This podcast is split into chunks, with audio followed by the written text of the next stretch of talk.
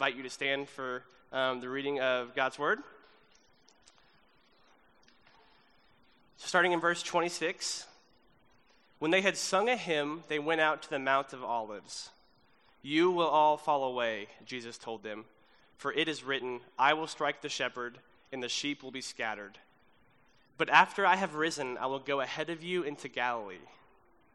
Peter declared, Even if all fall away, I will not. Truly I tell you, Jesus answered, Today, yes, tonight, before the rooster crows twice, you yourself will disown me three times. But Peter insisted emphatically, Even if I have to die with you, I will never disown you.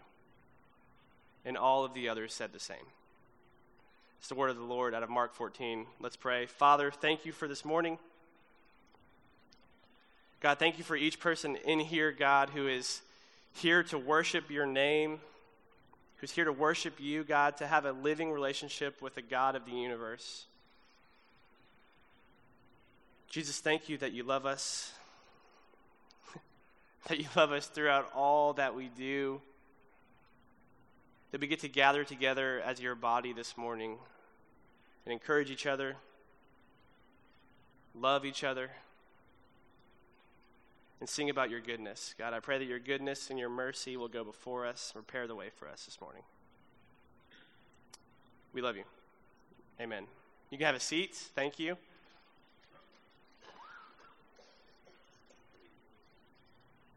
You will all fall away. People of City Collective, you will all fall away. Jesus in this moment, it's kind of backwards to how we usually think of Jesus, right? He's just shared an, an extremely intimate meal with his closest friends. And yet he looks at them Noah, you will fall away. Jacob, you will fall away. Tucker, you will fall away. Can you imagine the weight of this?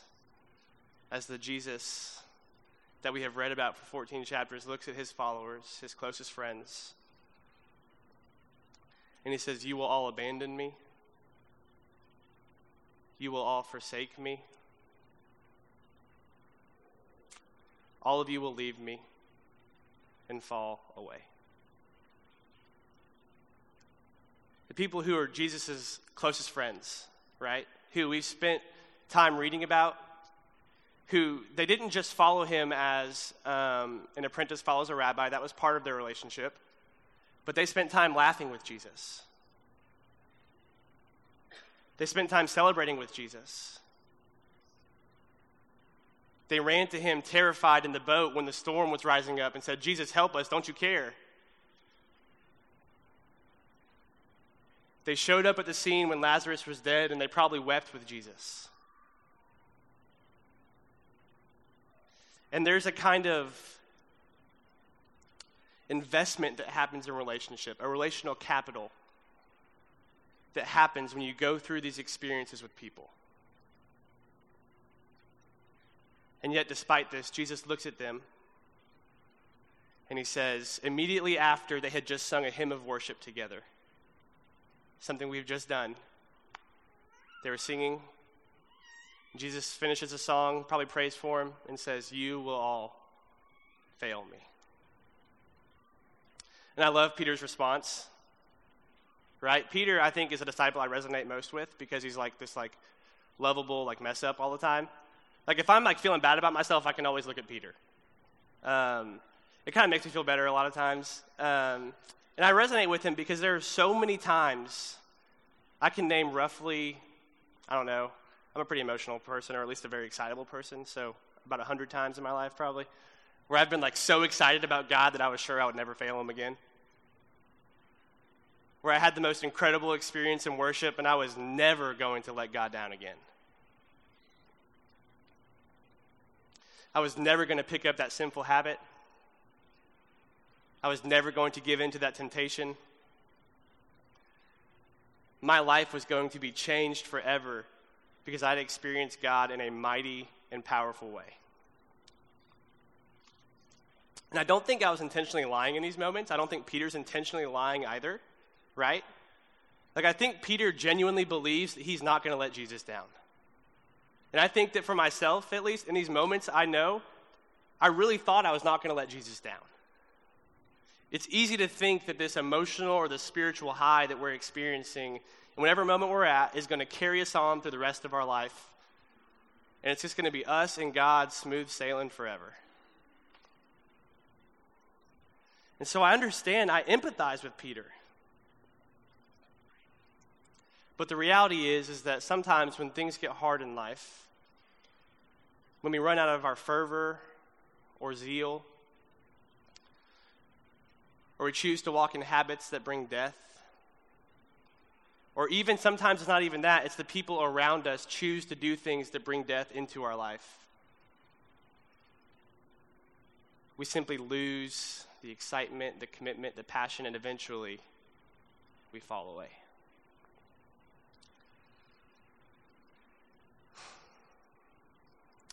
I find myself time and time again feeling like the disciples in this story who are screaming to God, screaming to Jesus, Jesus, I will never fail you. I'll never leave you down, even if I have to die, God. They can kill me. Won't happen to me. Won't be me. And yet, so often I'm reminded by the gentle, truthful heart of God that I too will fall away.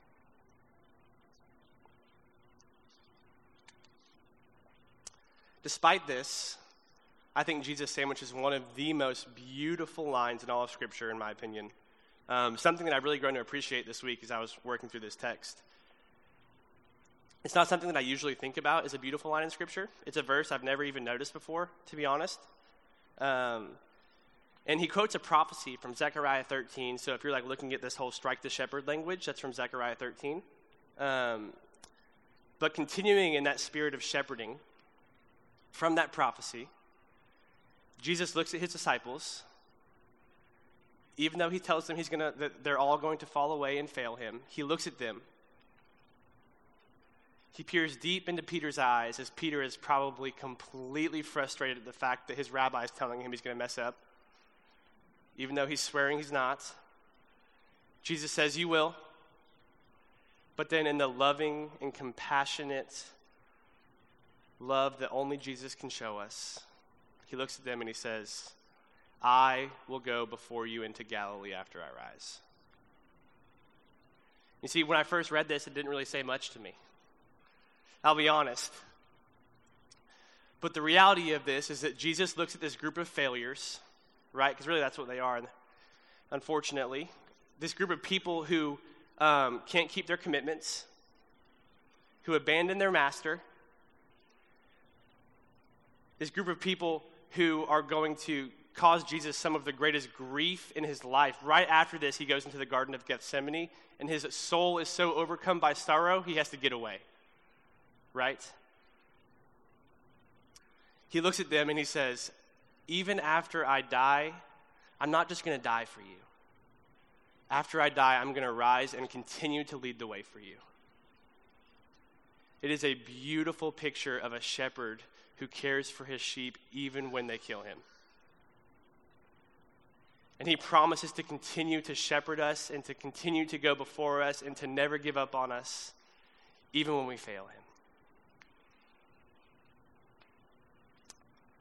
He says, Not only will I be just any shepherd, but I'm the good shepherd, right? This past weekend, we spent time going through Psalm 23 and looking at what a good shepherd does and how they see the needs of their flock and they care for their flock and they lay down their life for their flock and they actually provide for the needs of their flock.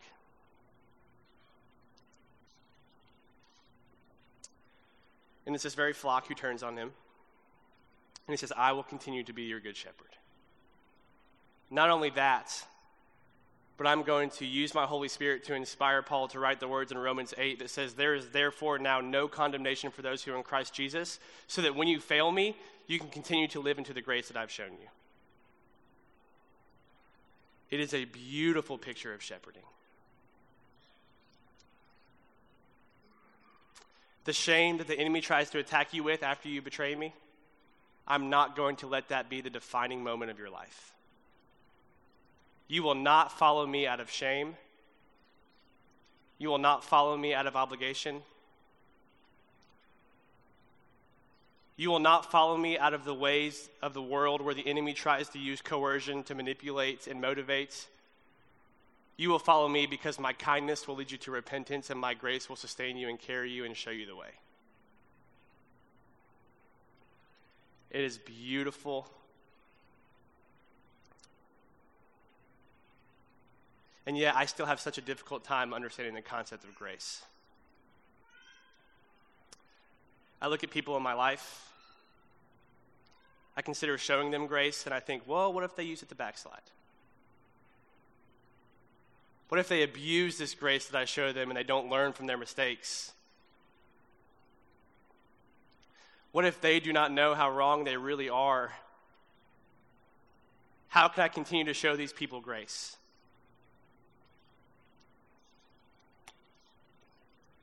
And yet, the mysterious, upside down, foolish nature of the gospel is that grace is always going to be a more powerful motivator for transformation than shame and condemnation ever will be.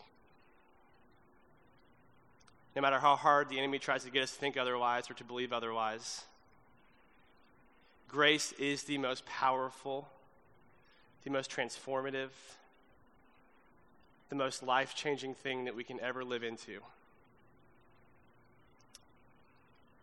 You see, I can spend all the time I want trying to assert my own power, my own self reliance, my own good standing as a citizen of American society.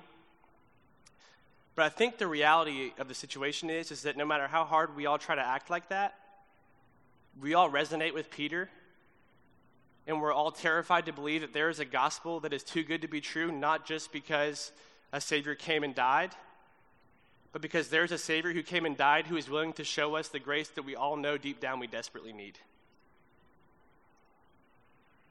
I am terrified to believe in a story that shows me enough grace for my own life when I look at it.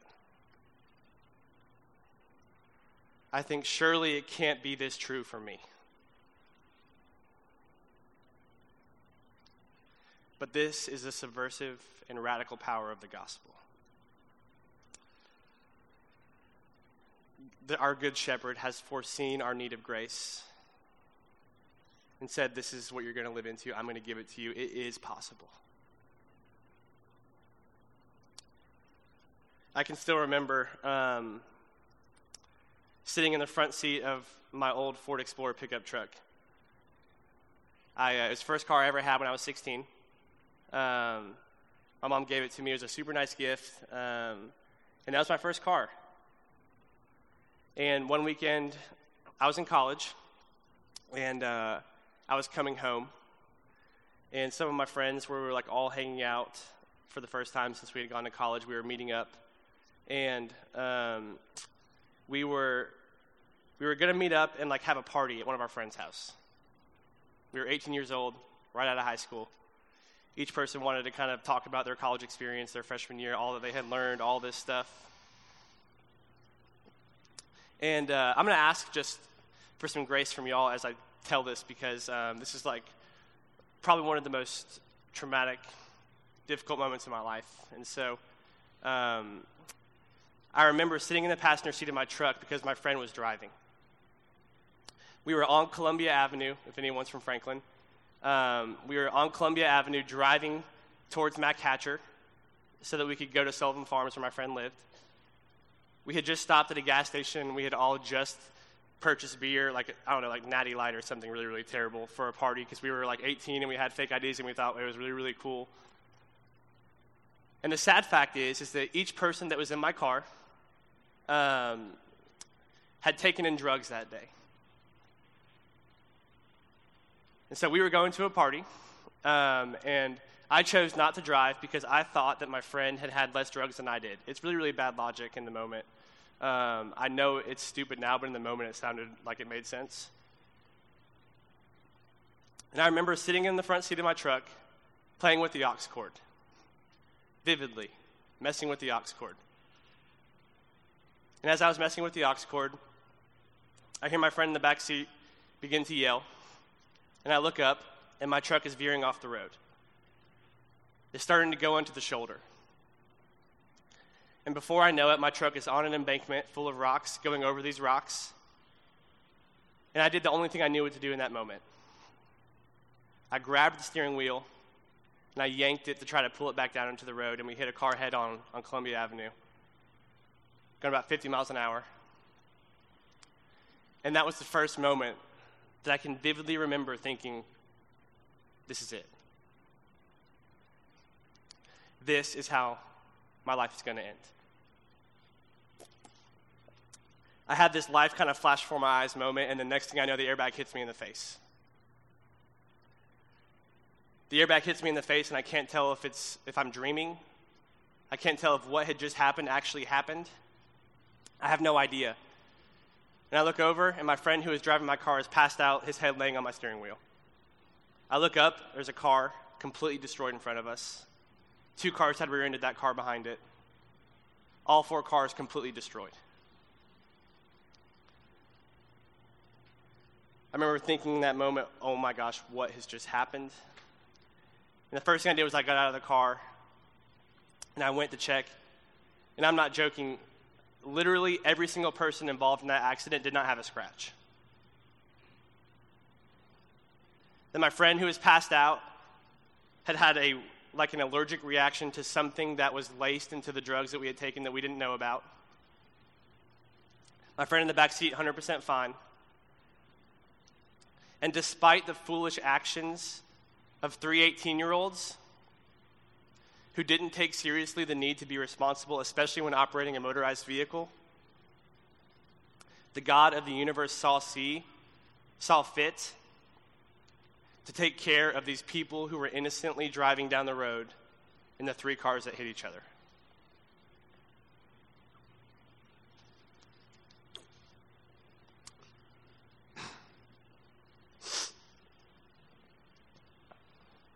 We didn't deserve to live past that day.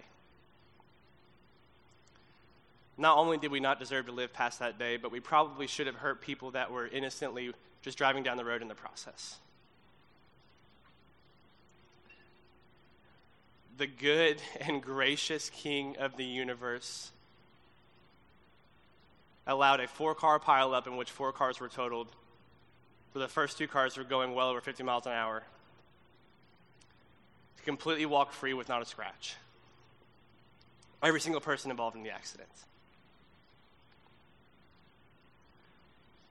This is the moment where I realize that there must be something more to life. That as I sat in the passenger seat of my car looking around, thinking, God, is there even a God out there? And if there is, he must be really, really good because literally we could have killed every single person here. Acting selfishly, not thinking about a single consequence.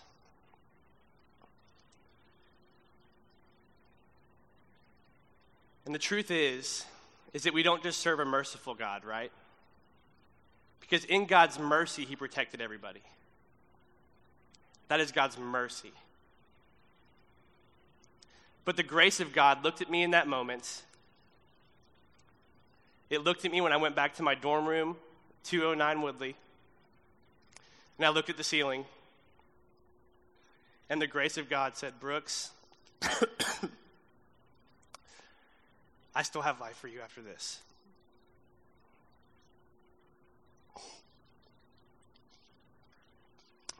Thanks, dude.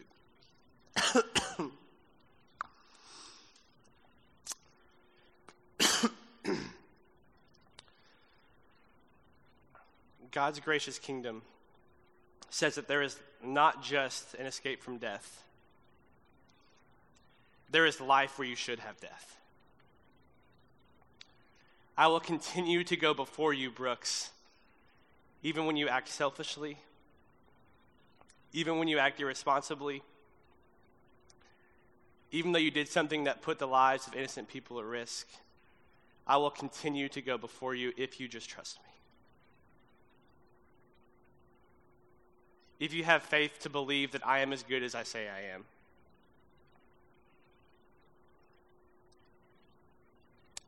See, this story is a picture of this reality. God's abundant kingdom is breaking in all around us with grace that none of us can fathom. Because I still don't know that I fully fathom or appreciate the grace that I was shown that day. I do know that I wake up, at least for a while, I would wake up and it changed the way I lived. Because I shouldn't have seen another day. It changed the way I approach each and every day. Because there is something transformative and powerful about having grace as a motivator to say that even though you don't deserve this, you get this. Now go and live into what I've given you that you did not deserve.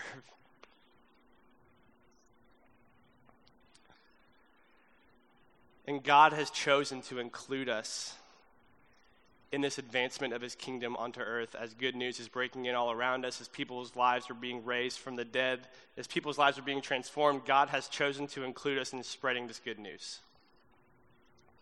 In getting up here and using stories like this to advance his kingdom, using broken people to preach his word.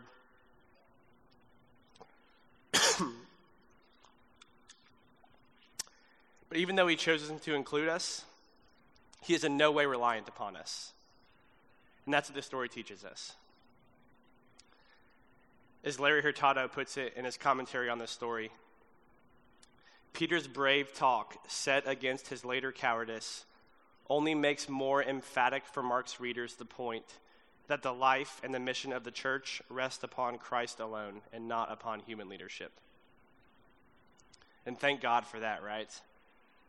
Because if God's kingdom could only advance in Chattanooga as far as a guy who can get up here and preach and not make it through 10 minutes without getting phlegm in his throat and getting his throat all coughed up, then we would be in pretty big trouble, right?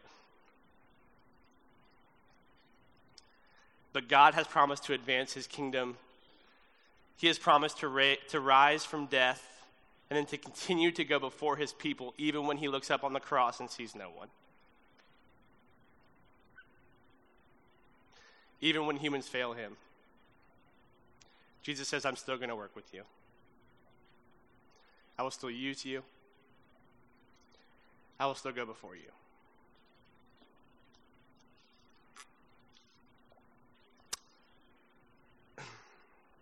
Each and every week, we celebrate the fact that Jesus is with us, that he is present, and that his graciousness is something that we can tangibly taste and see in the bread and the juice.